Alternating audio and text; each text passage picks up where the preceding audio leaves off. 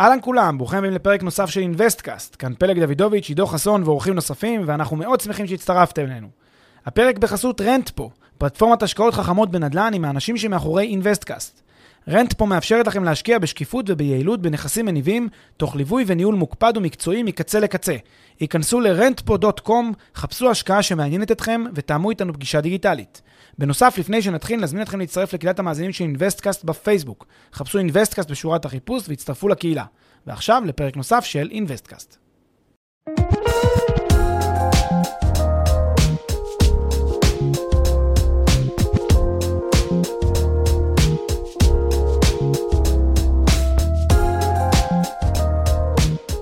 אנחנו שמחים לשוחח עם פרופסור עומר מואב, מרצה לכלכלה במרכז הבינתחומי הרצליה ומרצה באוניברסיטת ווריק באנגליה. מה שלומך עומר?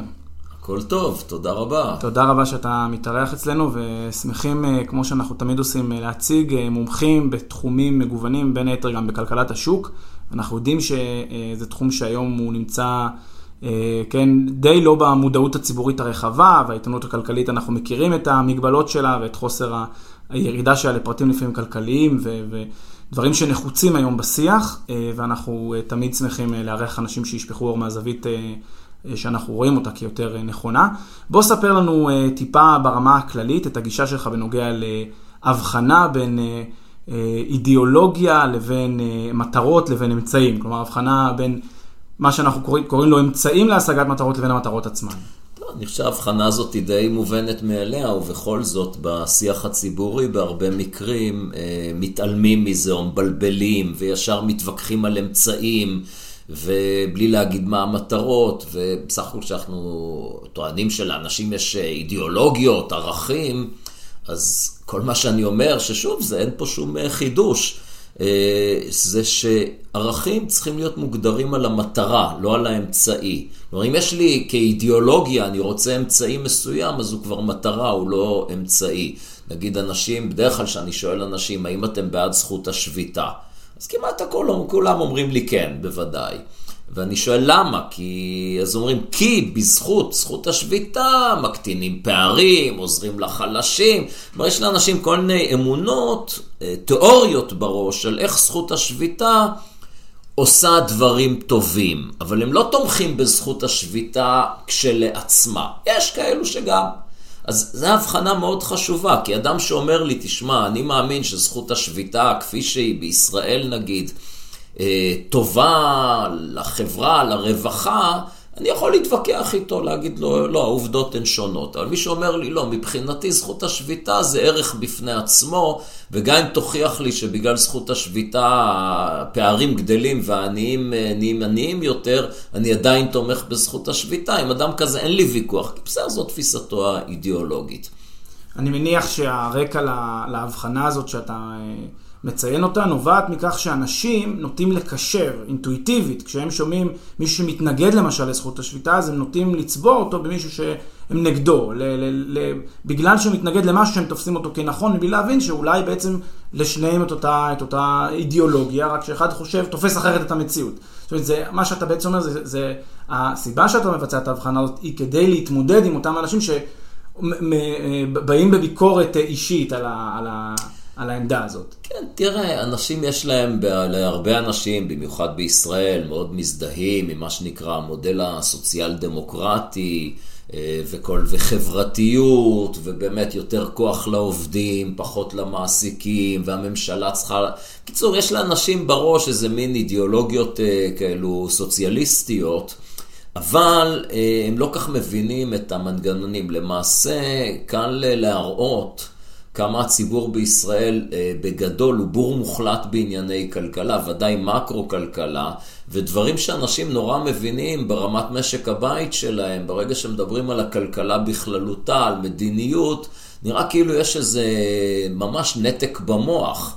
אה, ואני יכול לפעמים לעשות אה, לאנשים תרגיל ולהגיד להם, תראו, הכלכלה הישראלית, א', ב', ג', ואומרים לי, נכון, ואז אני אומר, לא, כל מה שאמרתי עכשיו הוא הפוך מהמציאות. עכשיו, בשונה משרלטנים שמסתפקים בלהגיד את הדברים הלא נכונים, אה, אני אומר לאנשים, לא, רק הדגמתי לכם שאין לכם מושג אפילו לגבי העובדות הבסיסיות. האם הכלכלה הישראלית באמת צומחת בצורה מאוד מרשימה בחמש שנים האחרונות נגיד, כמו שכחלון ונתניהו מספרים לנו? לא, אם מסתכלים על הנתונים, אז לא. אבל, אבל יש דימוי, הם מספרים לנו שהיא צומחת נפלא. העיתונאות, אה, התקשורת לא טורחים לעשות בדיקה של הדברים, ומהדהדים את האמירות שלהם. וזה באמת, מה שקורה זה שיש פה איזה מין שיתוף פעולה בין המערכת הפוליטית לתקשורת, שמטעה את הציבור באמת באופן שיטתי. אה, אני לא רוצה להגיד שהתקשורת אה, עושה את זה רק מתוך עצלנות ובורות, ולא גם מתוך אידיאולוגיה, שזה אולי אפילו יותר חמור, שאם עיתונאי סתם מתרשל, אז עוד מילא אפשר לסלוח, אבל אם הוא מטעה במזיד מתוך תפיסה אידיאולוגית, אה, אז זה באמת כבר חמור. והתוצאה היא באמת, קל לראות את זה, כמה אנשים הם בורים בכלכלה.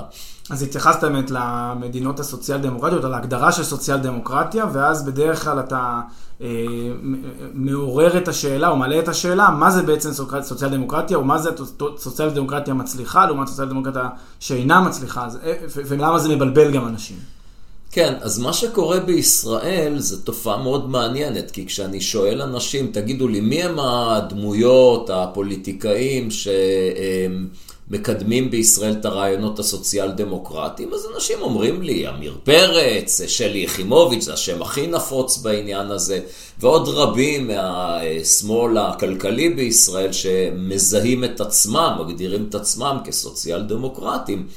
וכשאני שואל שוב אנשים, אז ומה זה מדינות סוציאל דמוקרטיות? אז אומרים לי, שוודיה, דנמרק, פינלנד. אה, ובעצם בראש של הישראלי הממוצע, אפילו הייתי מעריך 90% מהישראלים, סבורים שהמודל שנגיד שלי יחימוביץ' מדברת עליו, והיא תמיד מתראיינת כנושאת הדגל הסוציאל דמוקרטי ומטיפה למגוון רחב של מהלכים, בעיני הישראלים זה באמת מה ששוודיה אימצה, זה המודל השוודי. והאמת רחוקה מזה מרחק אדיר. ולמעשה, אם עוברים מעבר לכותרת סוציאל דמוקרטיה, כן? היא כותרת ריקה, כי כל אחד יכול לפרש את זה איך שהוא רוצה. השוודים, בלי שום ספק, הדנים, בלי שום ספק, מפרשים את המודל הסוציאל דמוקרטי מאוד שונה מהצורה ששלי יחימוביץ' ועמיר פרץ ודב חנין ומי שלא תרצה בה. השמאל הישראלי מפרשים. למשל, לכן אני אומר, צריך להיכנס לפרטים. למשל, אה, יבוא, חסימות יבוא, זה מאוד, רעיון מאוד פופולרי בישראל. אה, יחימוביץ' אומרת במפורש, והיא לא יוצאת דופן, ההסתדרות מצטרפת לקריאה הזאת. מוטב להגביל יבוא גם אם אנחנו מבינים שזה עלול לפגוע בצרכנים בגלל יוקר המחיה, אבל יותר חשוב לנו להגן על מקומות עבודה ישראלים. עכשיו נעזוב בצד את זה שחסימת יבוא לא באמת מייצרת מקומות עבודה, זה, זה, טיפה יותר מורכב, אבל נדבוק בעובדות. העובדות הן שבשוודיה ובדנמרק הרעיון של לחסום יבוא כדי להגן על תעשייה או חקלאות מקומיים פשוט לא קיים. אה, הלאה, אה, נגיד אחת הרעות החולות של המשק הישראלי זה קביעות במגזר הציבורי. אה, עובדים שיש להם גם קביעות, גם זכות שביתה ויכולת להתארגן, גם הסכמי שכר ויכולת להזיק, כן? אה, הסכמי שכר שבעצם אה, השכר עולה באופן אוטומטי. זה לא רק שזה יוצר תמריץ אה, לא לעבוד למי שלא רוצה לעבוד, אני לא אומר שכולם לא עובדים, יש ודאי עובדי ציבור מסורים. אבל יש גם כאלו שלא, שרק מזיקים, אי אפשר לפטר אותם, והשכר שלהם אפילו ממשיך לעלות, זה פשוט אבסורד. אה, וכל זה מגיע על חשבון הציבור הרחב, שלא רק, אה, במגזר הפרטי, שלא רק שלא נהנה מביטחון תעסוקתי, אלא צריך לממן את הבטלה ואת הביטחון התעסוקתי של עובדי המגזר הציבורי. אה, אבל אם אני אציע, בואו נבטל את הקביעות במגזר הציבורי, אז ודאי שהסוציאל דמוקרטים הישראלים, יגידו שזה חס וחלילה, זה נוגד את המודל שלהם, אבל הנה בדנמרק הם ביטלו לחלוטין את הקביעות במגזר הציבורי. וגם השוודים, אם מדברים אפילו עם ועדי העובדים בשוודיה, הם בעד פיטורי עובדים מיותרים, כי הם מבינים שרק אם עובדים מייצרים רווחה, תפוקה, אפשר להשיג רווחה. תראה, אני חושב שכולנו מסכימים שמוטב לחיות בחברה שיש בה יותר רווחה מאשר פחות רווחה. ואם הסכמנו עם זה, אז חייבים להסכים, זה נובע מזה, שאנחנו רוצים לחיות בחברה או בכלכלה, שבני אדם עובדים ומגדילים את התרומה, תורמים לתוצר. לא עובדים בסתם לגרד רנטות מאחרים או להזיק לאחרים. כי ככל שיש לנו יותר אנשים שבמקום לתרום לתפוקה, מגרדים רנטות, אז יהיה לנו פחות תוצר. אז אי אפשר להגיד מצד אחד שאנחנו בעד שתהיה פה מדינה שדואגת לרווחה, שמספקת רווחה. כשאני אומר דואגת לרווחה זה לא בהכרח הממשלה, אלא מדינה שמאפשרת לכלכלה לתפקד, מאפשרת לאנשים לעבוד, ליזום, להתפרנס ולחיות טוב. אבל ככל שיותר אנשים עובדים ולא מפרנס, לא תורמים באמת, אז פחות נחיה טוב. השוודים, ארגוני העובדים, ממש, מב... זה obvious, והם מבינים את זה. בישראל זה לא קיים התפיסה הזאת בקרב השמאל, ובוודאי ארגוני העובדים.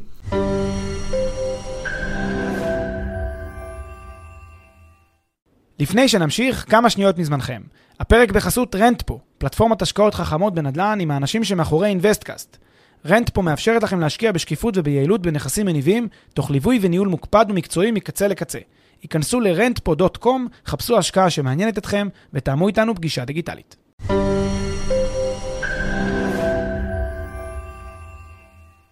אוקיי, okay, אז בעצם אתה נותן כאן דוגמאות אה, רבות בעצם לאותה נקודה התחלתית של ההבחנה בין אמצעי למטרות, זאת אומרת, אתה בא ואומר ככה, גם בשוודיה הבינו שזכות השביתה, שרנטות, שתשלומי תמיכה, הדברים האלה הם לא אה, מטרות בפני עצמם, אלא הם אמצעים, ואם אנחנו תופסים את האמצעים האלה כלא תורמים למטרה שהיא הגדלת העוגה, הגדלת הרווחה המצרפית, אז אולי מוטב שנמצא אמצעים אחרים שיתרמו לאותה מטרה. זה בעצם הקו. עכשיו, אתה מאוד מדגיש שזו תופעה ישראלית, הנקודה הזאת של הבלבול, ההבחנה הזאת בין האמצעים למטרות. אתה חושב שזה דבר שהוא באמת רק ישראלי, או שהוא גם, יש לו איזה שהם אה, נפקויות גלובליות? לא, זה לא רק ישראלי. אני חושב שבאמת בכל העולם אנחנו רואים את הטמטום הכלכלי הזה. יש מקומות שיותר, יש מקומות שפחות. לא, לא עשיתי איזה מחקר השוואתי. אה, יש לי תחושה, שאני מדבר עם אנשים בארצות הברית, שאצלם התפיסה הבסיסית של אה, חירות וחופש כלכלי הוא, הוא עמוק יותר. אבל תראה, גם האמריקאים, אה, ודאי אה, תומכי טראמפ, מאוד בעד המדיניות מכסים שלו שחוסמת יבוא. השוודים שאתה מדבר איתם, התפיסה שלהם היא יותר תפיסה של חירות, אבל במובן אחר. אצל האמריקאים חירות זה החירות לשאת נשק בהרבה מקרים. השוודים לא חושבים שזה חשוב שתהיה להם חירות לשאת נשק, הם חושבים שתהיה להם חירות אה, אזרחית, כלכלית, יותר חשוב. אה, עכשיו, גם כל המושג הזה של חופש כלכלי, אני רואה שקיבל פה איזו תפנית מדהימה. אה, שבוע שעבר היה כנס קהלת, עלה שר הכלכלה לדבר, אלי כהן. ונתן נאום על כמה, א', הכלכלה הישראלית במצב אה, פנטסטי, צמיחה מדהימה וכולי, וכמה הכל זה בזכות חופש כלכלי, וטראמפ צודק שהוא חוסם יבוא, כי זו הדרך אה, להגן על התעשייה המקומית. למזלו הרע של אלי כהן, במקרה אני עליתי אה, לבמה אחריו בשביל לדבר בכלל על נושא אחר, אבל לא יכולתי שלא להקדיש אה, דקה-שתיים לדברים שלו. ראשית, כפי שכבר אמרתי קודם, הטענה שהצמיחה פה מאוד מרשימה היא פשוט שגויה, שמסתכלים על הנתונים. יש פה הטעיה, הייתי אומר, במזיד.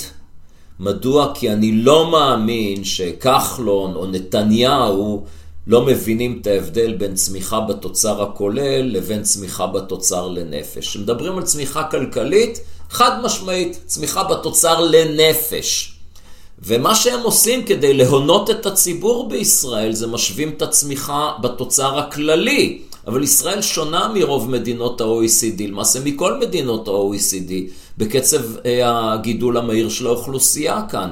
אז משווים אה, תפוחים לתפוזים, זה לא השוואה רצינית, אין לה משמעות. כשעושים את ההשוואה הנכונה, מגלים שפשוט לא נכון. אבל יותר חמור מזה, איך אתה יכול לדבר על חופש כלכלי ובו זמנית להצדיק משהו שהמחקר הכלכלי קבע חד משמעית, חסמי יבוא פוגעים בצמיחה הכלכלית. כל הרעיון של חירות וחסימת מסחר, קשקוש. הנה, תראה, התוכנית, בדיוק עכשיו ביבי יצא עם הספין התורן שלו, אה, התוכנית הכלכלית, שש הנקודות של ניר ברקת. אוקיי, ספין מוחלט, אין שם כלום, זה פשוט קשקוש אחד מקושקש. שמעתי את הנאום של ניר ברקת גם בכנס קהלת, אה, סתם פטפוטים, חוסר הבנה. עכשיו, נתניהו מבין במקרו-כלכלה ובמדיניות כלכלית פי מאה יותר מניר ברקת. מה הוא צריך את ניר ברקת? פשוט, אם הוא יגיד זה התוכנית שלי, אז נגיד לא, אבל איפה היית 11 שנים? למה לא עשית שום דבר?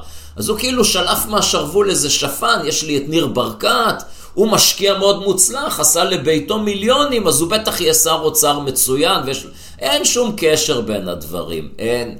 אה, להיות שר אוצר זה לא מנכ"ל של חברה, זה לא מנכ"ל של מדינה. זה להפך, זה מישהו שרק דואג לשחרר את החסמים, זה לא מישהו שתפקידו ליזום. בקיצור, גם אה, מנסים להסתכל על התוכנית הזאת, זה קשקוש מוחלט, אין שם בכלל צעדים, זה רק מטרות. אנחנו רוצים, יכולתי באותה מידה להגיד, יש לי תוכנית כלכלית מעולה. אני הולך להגדיל פה את הרווחה של כולם פי שתיים. את העושר באלף אני אגדיל פי, בנקודה ב-75 אחוז אני אגדיל את העושר באלף. זה בערך אותה רמה של אה, תוכנית, רק שם יש הרבה יותר מילים. על כל האבסורד הוא ששוב, הוא טוען, הכל יהיה תוכנית שמבוססת על חופש כלכלי, ובעצם זו תוכנית שמבוססת על אנטי חופש כלכלי ועל המון מעורבות מיותרת של הממשלה. אז בעצם, שוב, יש כאן אה, תופעה של ערבוב כזה בולט, בין ה, גם בין האמצעים למטרות, ובואו נשים רגע את האצבע על מה זה יותר. זה יותר בורות, זה יותר פופוליזם, זה יותר כניעה לאינטרסים, או שזה הכל מהכל? מה זה בעצם יותר? תראה, כשאתה מנסה להבין אה, למה באמת פוליטיקאי, נגיד באמת, אחד כמו נתניהו, תשמע, אני, אלי כהן נשמע לי אולי לא נבון במיוחד ולא מבין כלכלה, אה, אבל נתניהו אנחנו יודעים שהוא לא טיפש, ואנחנו יודעים שהוא מבין, והוא בכל זאת עושה דברים הפוכים. תראה, גם כחלון, אני אני חושב, אנשים נוטים להגיד, טוב, מה אתה רוצה, הוא די טמבל. לא, הוא לא טמבל כחלון, הוא שרלטן. יש הבדל גדול וכדאי לשים את הדברים על השולחן. אבל תראה, כשאני רואה שעושים מדיניות כלכלית שגויה, אז uh, קשה לפעמים לדעת, זה טיפשות, זה שרלטנות, זה פופוליזם. כל מה שאני יכול להגיד זה שצריך לחפור טיפה ולהגיד ולזהות לפעמים את האינטרסים, קבוצות כוח ש... מושכות בחוטים. זה מספקים לנו דוגמאות כל זה. הנה רק לאחרונה שמשרד התחבורה עבד ועשה תוכנית לשינוי תעריפי המוניות, ותוכנית נכונה, הרבה יותר הגיונית, אני לא מדבר על המספרים, אבל התפיסה היא פשוט נכונה. מחיר לזמן ומחיר לקילומטר, לא אחד או השני. השיטה הישנה היא לא טובה. אה, למה נתניהו ביטל את הרפורמה הזאת? כי הוא חושב שהיא שגויה? פתאום, כי הוא מפחד מנהגי, מה שנקרא נהגי המוניות, הלובי של בעלי הזכות הציבורית, הרישיון למונית. אה, אז זו דוגמה. אבל אני, התחושה שלי היא שיותר מאשר אינטרסנטים שמושכים בחוטים, יש מה שנקרא פופוליזם. כלומר, השילוב הזה של פוליטיקאי שרוצה להיות פופולרי וציבור שמוזן על ידי המערכת הפוליטית ועל ידי התקשורת אה, בכל מיני הבלים, גורם למצב שכדי לרצות את הציבור, לפעמים הפוליטיקאי צריך לעשות דברים שדופקים את הציבור. ויש לזה גם דוגמאות רבות. אני רק אולי צריך להוסיף לרשימת המתאים עוד קבוצה אחת, אנשי אקדמיה, פרופסורים. בהרבה מקרים התקשורת מראיינת אנשים על סוגיות כלכליות, אנשים שאינם כלכלנים. הדוגמה אולי הכי בולטת אה, שקופצת לי לראש עכשיו, פרופסור אה, דני גוטווין, כן? אז הוא היה אחד מכוכבי מגש הכסף. בסדר, אה, אני לא אומר שהוא בן אדם רע או טיפש, אבל הוא קומוניסט הארדקור. הוא פרופסור להיסטוריה של עם ישראל. ההשכלה הכלכלית שלו וההבנה הכלכלית שלו זה בערך כלום. והוא בכל זאת מרואיין כמומחה לענייני כלכלה. עכשיו, הוא לא יוצא דופן, יש הרבה כאלו שמראיינים אותם ואוהבים לראיין אותם, כי בדיוק הם מספקים את הסחורה, שהם קוראים לעצמם אולי סוציאל דמוקרטים, אבל זה בעצם סוציאליזם אה, מעופש. ואת זה מה שהם משדרים, וזה רבים בתקשורת אוהבים לשמוע, ואין בתקשורת שלנו כמעט ימין כלכלי. אין, יש ימין, אבל זה לא, הימין בישראל הוא לא ימין כלכלי, למעט בודדים. אה, אז כן, זה מת הטרגדיה, יש לנו פה ויכוח בין ימין ושמאל מדיני, ובכלכלה כולם, כמעט כולם, כל המפלגות די מיישרות קו עם הקו הפופוליסטי. כן, והקו הפופוליסטי בעצם גם, כמו שאמרת, התקשורת בעצם, זה, אני, אני תוהה תמיד האם זה באמת סוציאליזם, האם זה כעניין של בחירה, הם בחרו להעדיף את, ה, את הסוציאליזם על פני כלכלת השוק, או שזה רק עניין של... אה, זה נשמע יותר טוב להגיד שאני חברתי, זה נשמע יותר טוב להגיד ש... ולא באמת התעמקתי, לא באמת קראתי, לא באמת הבנתי את התהליך. זה אני לא יודע. אני יכול להגיד לך שזה סקר שראיתי, רוב הציבור הישראלי, בערך 70 אחוז, אומרים שהם אה, סוציאל דמוקרטים בתפיסת עולמם. אה, ורק 20 אחוז מצהירים על עצמם שהם בעד קפיטליזם, כשהמציאות היא שבדיוק המדינות הסוציאל דמוקרטיות המצליחות הן מאוד קפיטליסטיות. אי אפשר, אנשים לא מבינים את זה. אי אפשר לקיים מדינת רווחה שלא על בסיס קפיט... קפיטליזם מה זה? זה כלכלה, זה שם גנאי בכלל, לכלכלת שוק. כלכלת שוק, כלומר, כלכלה שעיקר הפעילות הכלכלית בה מבוססת על יוזמה פרטית וקניין פרטי ותחרות וביקוש והיצע. ולא שהממשלה קובעת מחירים והממשלה קובעת מי ייצר ומה ייצר. כוחות השוק, החופש הכלכלי, התחרות הכלכלית. אין קפיטליזם טהור, ואני, ודאי שאני לא תומך באפס מעורבות של הממשלה, ודאי שיש כשלי שוק ויש מוצרים ציבוריים, והממשלה צריכה להתערב ולספק, אבל צריך לעשות את ההבחנה הזאת. אמ, ואנשים לא מבינים שמדינת רווחה בנויה על תוצר גבוה. אי אפשר למסות בכבדות ולספק בריאות וחינוך אם לא מייצרים תוצר גבוה. תוצר גבוה רק קפיטליזם יודע לייצר. לא מתוך קריאה בספר תיאוריה, מתוך התבוננות בעולם האמיתי. אין דוגמה אחת בהיסטוריה של המין האנושי של כלכלה שאינה מבוססת קפיטליזם, שהצליחה לייצר תוצר גבוה. ולכן כל מדינות הרווחה הן קפיטליסטיות. יש לי אז אה, שאלה שככה קפצה לראש בעקבות הדבר האחרון שאמרת. אה, וזה באמת, אה, מסתכלים היסטורית גם לתחילת המאה הקודמת, אה, ורואים עלייה של גם בין מלחמות העולם, וגם רואים בעצם בהיסטוריה שתמיד הטיעון הפופוליסטי היה הקו הסוציאליסטי, תמיד הטיעון הבועט היה הקו הכלכלת השוק, ותמיד היה את המתח ביניהם עוד מתחילת המאה הקודמת. האם אתה מרגיש שאנחנו במין סינוס, או שזה סינוס אה, כלפי מעלה, או שבאיזה באיזה מקום אנחנו עומדים? כן, אז אתה צודק, יש פה באמת מטוטלת. מה שקורה זה שכשהמצב הכלכלי לא טוב, אז אה, מאמצים כלכלת שוק, כי זה מה שעובד.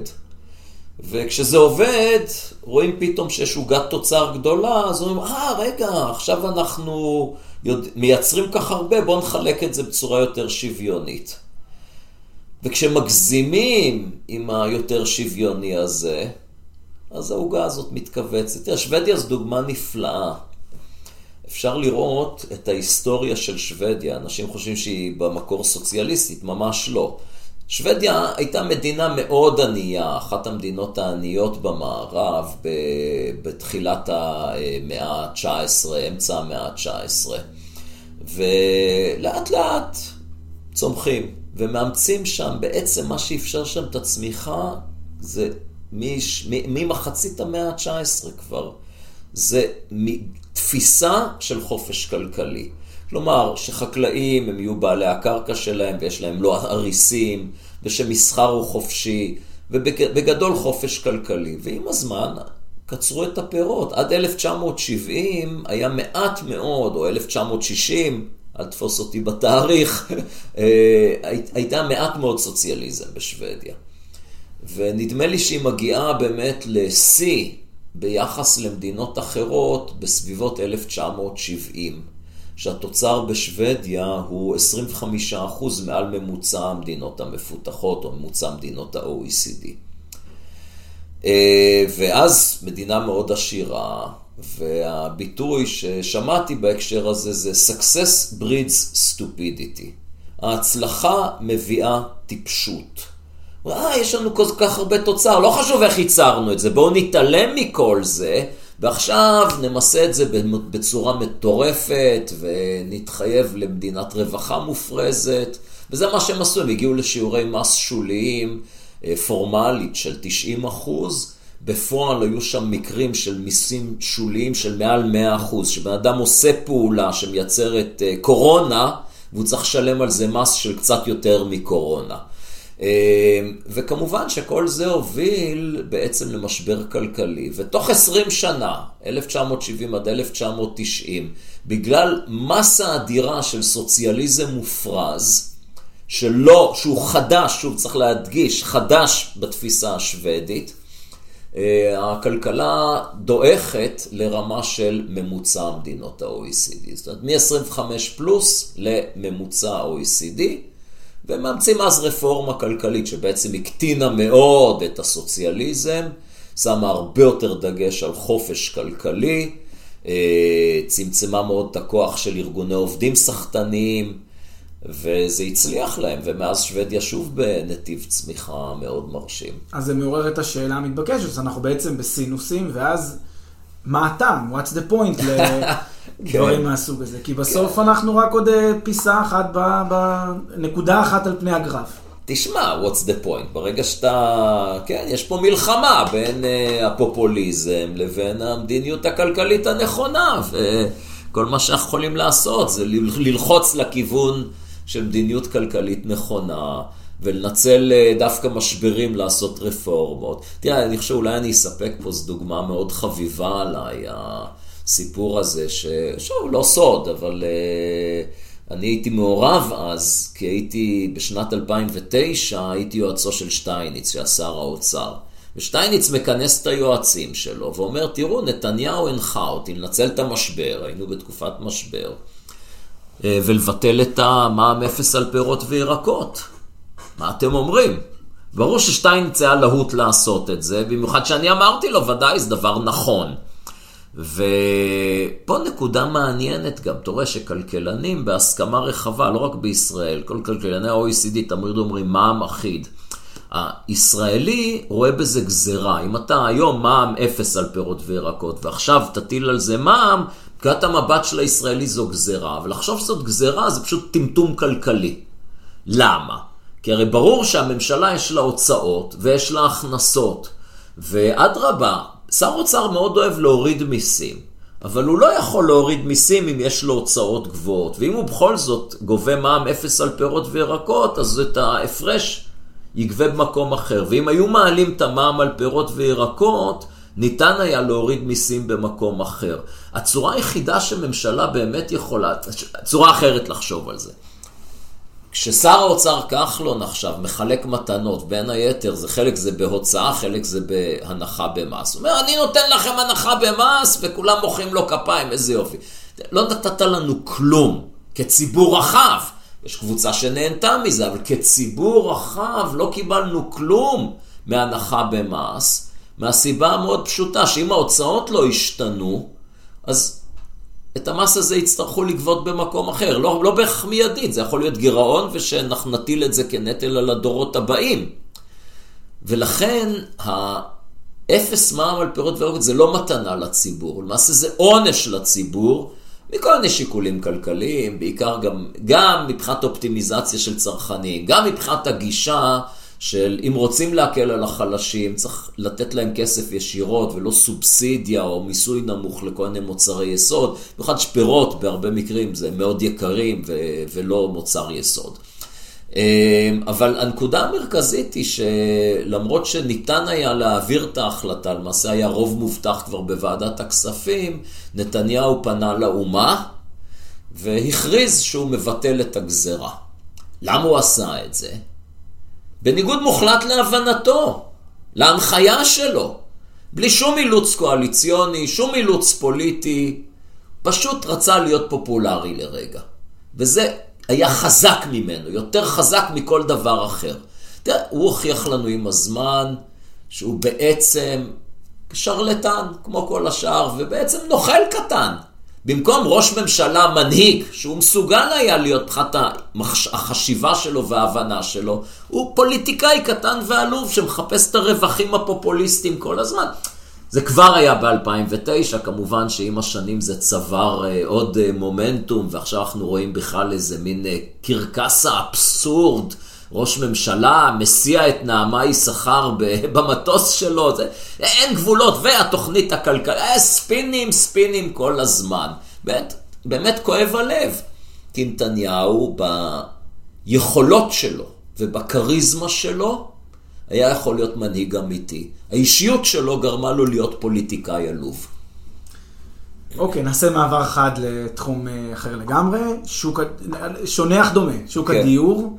כן. אה, ופה יש שתי בעיות שתמיד אה, ככה מסעירות את הציבור הישראלי. אחד זה דווקא הצד של, ה, של בעלי הדירות, או, או המעוניינים להיות בעלי דירות, והצד השני זה של שוכרי הדירות, או המעוניינים לשכור דירות.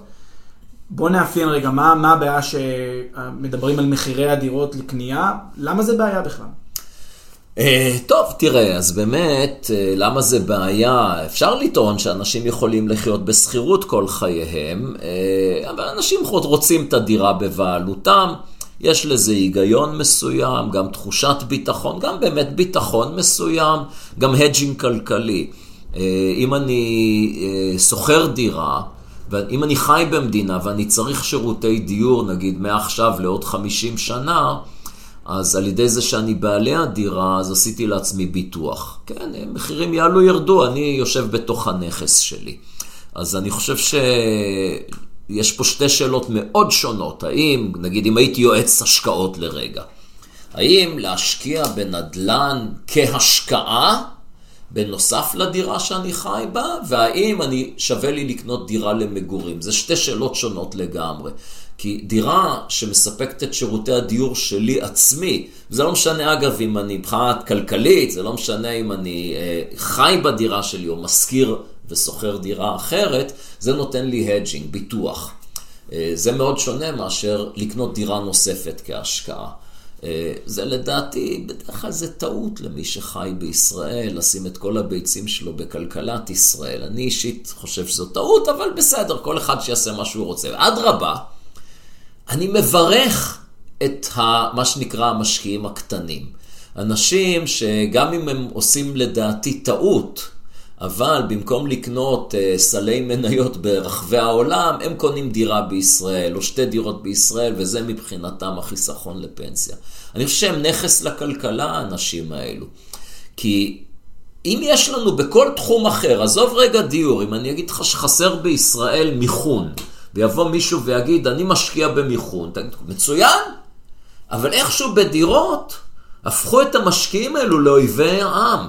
שזו שטות גמורה. כלומר, כל הגישה הזאת של כחלון, שהיא מאוד פופולרית בציבור, של בואו נילחם במשקיעים, היא חוסר הבנה עמוק בכלכלה. עכשיו תראה, חשוב להדגיש, זה לא שאני מדבר מעמדה של תיאוריה, והוא מדבר מעמדה של המציאות בשטח. לא! זה, זו תיאוריה וזו תיאוריה, כן? לאנשים יש בראש איזה תיאוריה. אבל התיאוריה שלי יש בראש, הכלכלית, קצת שונה מזו של כחלון. של כחלון, זה, ושל הרבה אחרים שמצדיקים את המלחמה במשקיעים, שהם תיאוריה נורא פשוטה. יש ביקוש, יש היצע, ואם אנחנו רוצים להוריד מחירים, אנחנו יכולים להגדיל את ההיצע, ו/או להוריד את הביקוש. לשני הדברים יש השפעה דומה על המחירים. עכשיו, אם זה היה עגבניות, לא דירות, אז לא הייתי מתווכח. הייתי אומר, מוטב להגדיל את ההיצע מאשר להוריד את הביקוש. אם מישהו היה מציע חוק שכל אה, משק בית בישראל צריך לקנות רק קילו עגבניות אחד בחודש, למשל. זה יוריד את המחירים.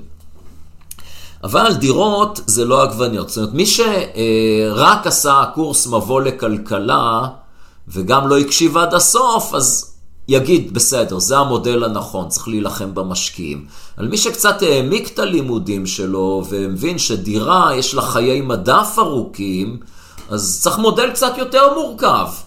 וכשהם מסתכלים על המודל היותר מורכב, מבינים שדווקא המלחמה במשקיעים פוגעת אה, בהיצע הדירות, ולכן מעלה את יוקר הדיור. מדוע? כי אם אתה מקטין ביקוש, אתה גם מקטין את הכמות בשיווי משקל, לפי התיאוריה שלהם, כן? ואם אתה מקטין את הכמות, המשמעות היא שבעוד עשר שנים, ובעוד חמש שנים, ובעוד עשרים שנה יהיו פחות דירות, ואם יש פחות דירות, המחיר שלהם רק יהיה יותר גבוה. אז לכל היותר ממלחמה במשקיעים ניתן בטווח המאוד מאוד קצר להוריד מחירים, ואולי כחלון הבין את זה, רק חשב שהמזל ישחק לו, ומה אכפת לו העתיד, העיקר בטווח הקצר לקצור פירות. אה, מיידית סוחרי הדירות ישלמו מחיר. תראה, המשקיעים האלו הם נכס, כי אנחנו רוצים שוק שכירות מתפקד. ושוק שכירות מתפקד בגלל שיש מי שמוכן להציע דירה להשכרה. עכשיו ראיתי באמת, היה סביב, אה, תחת כחלון כשר אוצר, גם במשרד האוצר חלק מהפקידות התחרפנה לגמרי, ואנשים פתאום תמכו בלהוציא את המשקיעים הפרטיים מהשוק ולהכניס במקום זה מוסדים עם סובסידיה מהמדינה. מה שקורה בשוק הדיור בישראל זה שהתשואה בשכירות היא מאוד נמוכה. ולכן אותם משקיעים שמוכנים לשים הרבה כסף על דירה ולהשכיר אותה במחירי שוק, עושים לנו באמת שירות אדיר. עובדה שזה לא משתלם לגוף עסקי לעשות, ולכן נדרשת סובסידיה של המדינה, אז תעזבו, למה? מה רע בזה שזה יהיה, שוק חופשי של משקיעים קטנים וסוחרים קטנים? השוק עובד. יקר מדי? כן, כי אתם נלחמים במשקיעים, כי אתם לא בונים מספיק, כי, אתם, כי באמת אתם, אתם, באמת, אתם, ממשלת ישראל, עושים צעדי הוקוס פוקוס, פופוליסטים, עלובים, במקום לעבוד קשה, להבין איפה החסמים. אוקיי, okay, זה הצד של המשקיעים והצד הנגדי, צד הסוחרים. מה, מה קורה שם? יש הרי כל, כל כמה שבועות אנחנו שומעים על עוד איזה שר, חבר כנסת שמתראיין ואומר שצריך להוריד את מחירי השכירות, ואנחנו רואים תהליכים כאלה קורים גם בחו"ל, במיוחד עכשיו בברלין. כן. למה זה קורה ו... ו... כן, זו באמת תופעה מדהימה העניין הזה של, אנחנו מדברים על, אה, בוא נעשה סדר, על פיקוח שכר דירה שנועד להוריד מחירים מתחת למחיר השוק. פה חשוב לעשות את ההבחנה בין רגולציה, שזה נגיד להגיד אה, דירה, צריך שיהיה מים זורמים, חשמל, כללי בטיחות, איזה... שיר... אפשר לעשות רשימה של דברים ולהגיד דירה שלא עומד בתנאים האלו אינה ראויה למגורים. שוב, גם פה יהיה לי ויכוח אמיתי עם חלק ממקדמי החוק, כי אפשר לחיות גם בדירה של עשרה מטר מרובע, ובזמנו, אני לא שאני הייתי רוצה בהכרח, אבל הייתי רוצה שאדם שיש לו הכנסה מאוד נמוכה, אה, שלא המחוקק יחייב אותו לחיות במינימום דירה בגודל 26 מטר מרובע, זה היה חלק מההצעה שעמדה על השולחן, ובסופו של דבר לא עברה.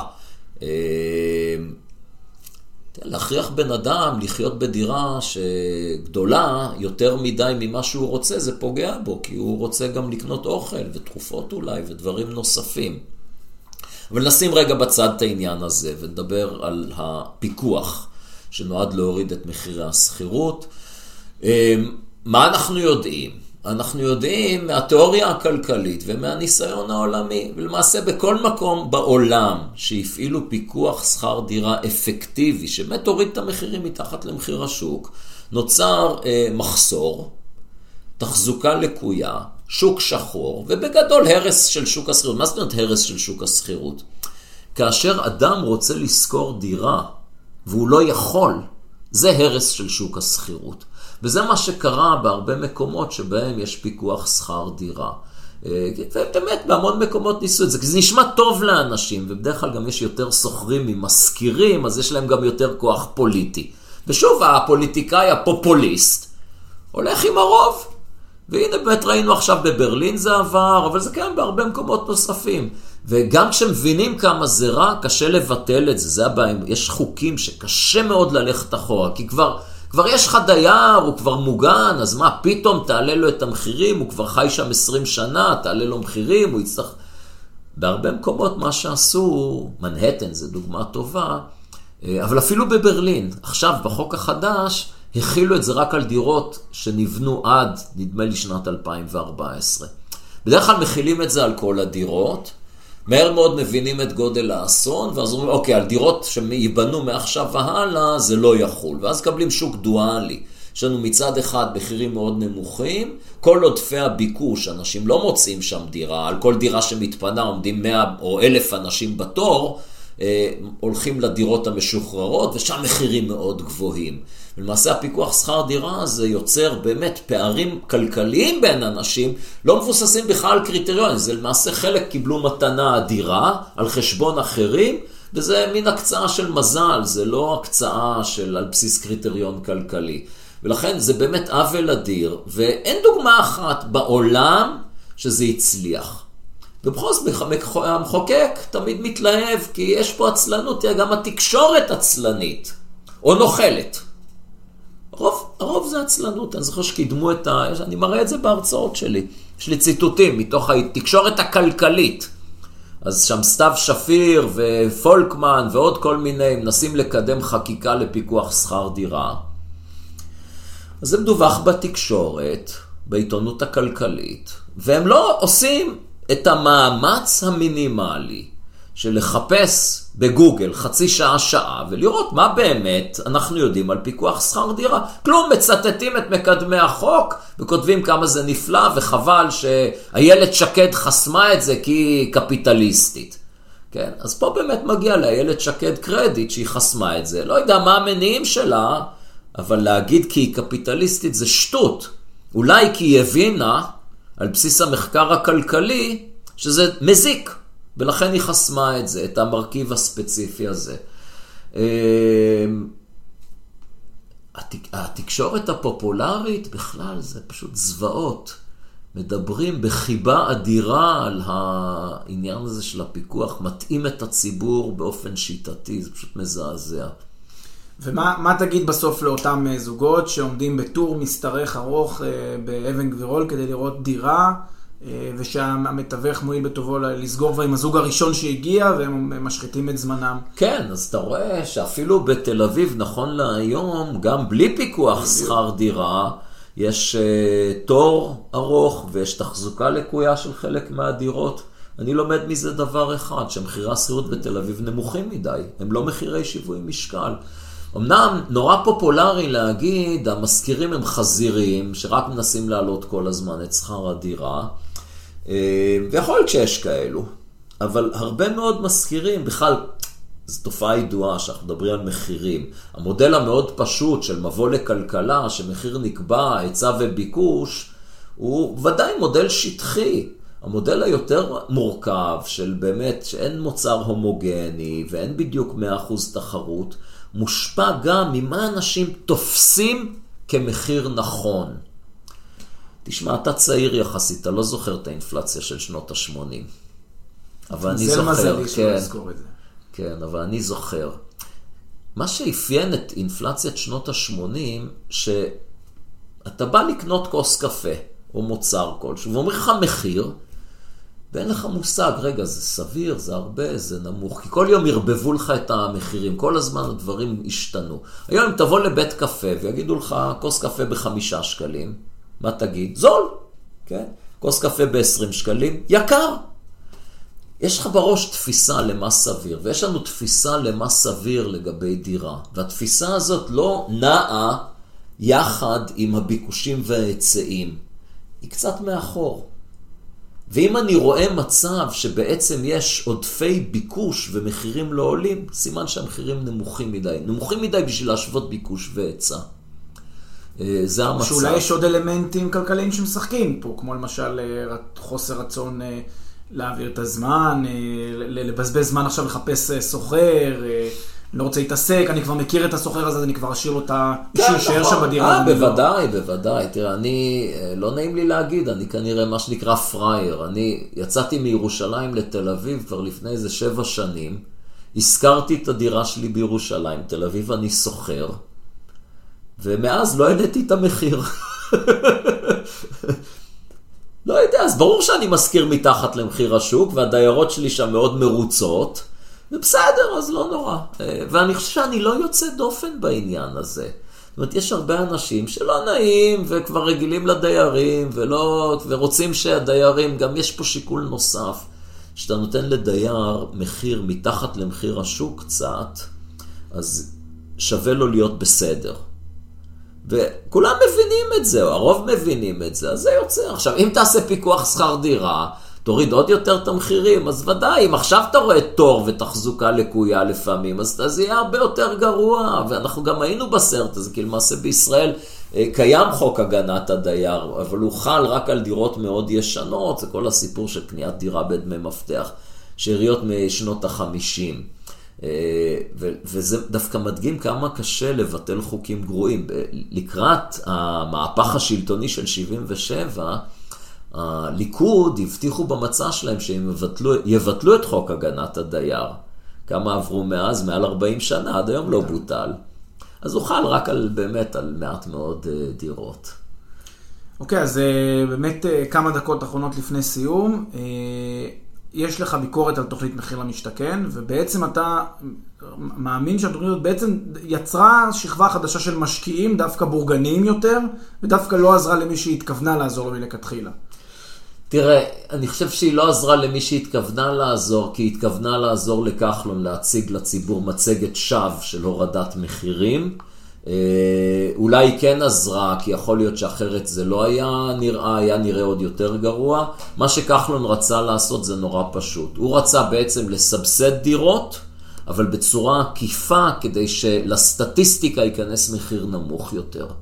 ויכול להיות שבזה הוא הצליח, אבל אה, מעבר לזה, זו תוכנית פשוט נוראית מכל בחינה. אה, וקל להראות כמה היא נוראית, כי אפשר לחשוב עליה בשני חלקים. הנה, אני אציע לך תוכנית אלטרנטיבית, חד משמעית יותר טובה, וברור שהיא עדיין גרועה מאוד. אחד, תפשיר קרקע ותבנה לפי אותו מפרט בדיוק של uh, מחיר למשתכן, אוקיי? אז זה צד א'.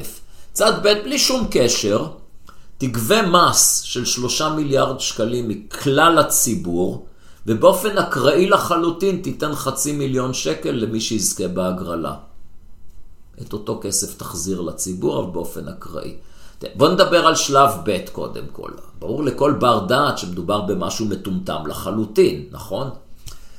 אמ, ובכל זאת, זה בעצם מה שמחיר למשתכן עושה, רק יותר גרוע. כי אם אני, אם אני, אם אתה זוכה בהגרלה, נחשוב על שתי אופציות. אחד, דירה שמחיר השוק שלה אה, מיליון וחצי שקלים, אני מציע לך אותה, את הדירה הספציפית הזאת, במיליון שקלים.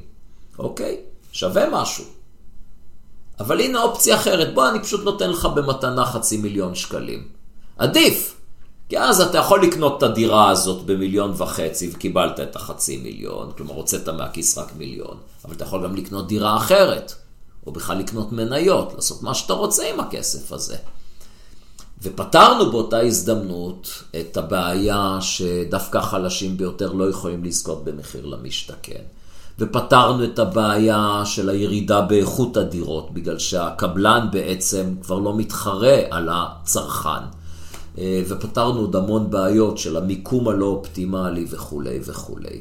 לכן בעצם מה שהיה צריך לעשות זה לא לעשות שום הגרלה, למכור דירות רק במחיר השוק, אבל להגדיל מאוד את ההיצע. אז זה יותר קשה. ולהגדיל היצע איפה שאנשים רוצים לחיות ואיפה שעובדים, וכל הרעיון הזה של פיזור אוכלוסייה הוא רעיון ישן, היה שגוי בעבר, אפשר להתווכח על זה, רוצים להגיד לי שבעבר היה מוצדק להגן על הגבולות, בסדר. נכון להיום זה שטות. זה פשוט שטות לתקוע אנשים במקומות מרוחקים מהמרכז ומהתעסוקה. מש... אני לא נגד שאנשים יחיו בפריפריה, אדרבה, שיחיו בפריפריה אם הם רוצים, אבל לדחוף אנשים בכוח לפריפריה, איפה שאין עתיד של תעסוקה להם ולילדים שלהם, פשוט שטות. פרופסור עומר מואב, מרצה לכלכלה במרכז הבינתחומי הרצליה ומרצה באוניברסיטת וורק באנגליה, היה מרתק, כרגיל גם לשמוע אותך, גם לשוחח איתך פעם. אה, אני נשמח אה, לראות אותך גם אה, בפרקים נוספים שלנו בעתיד. תודה רבה רבה. תודה רבה.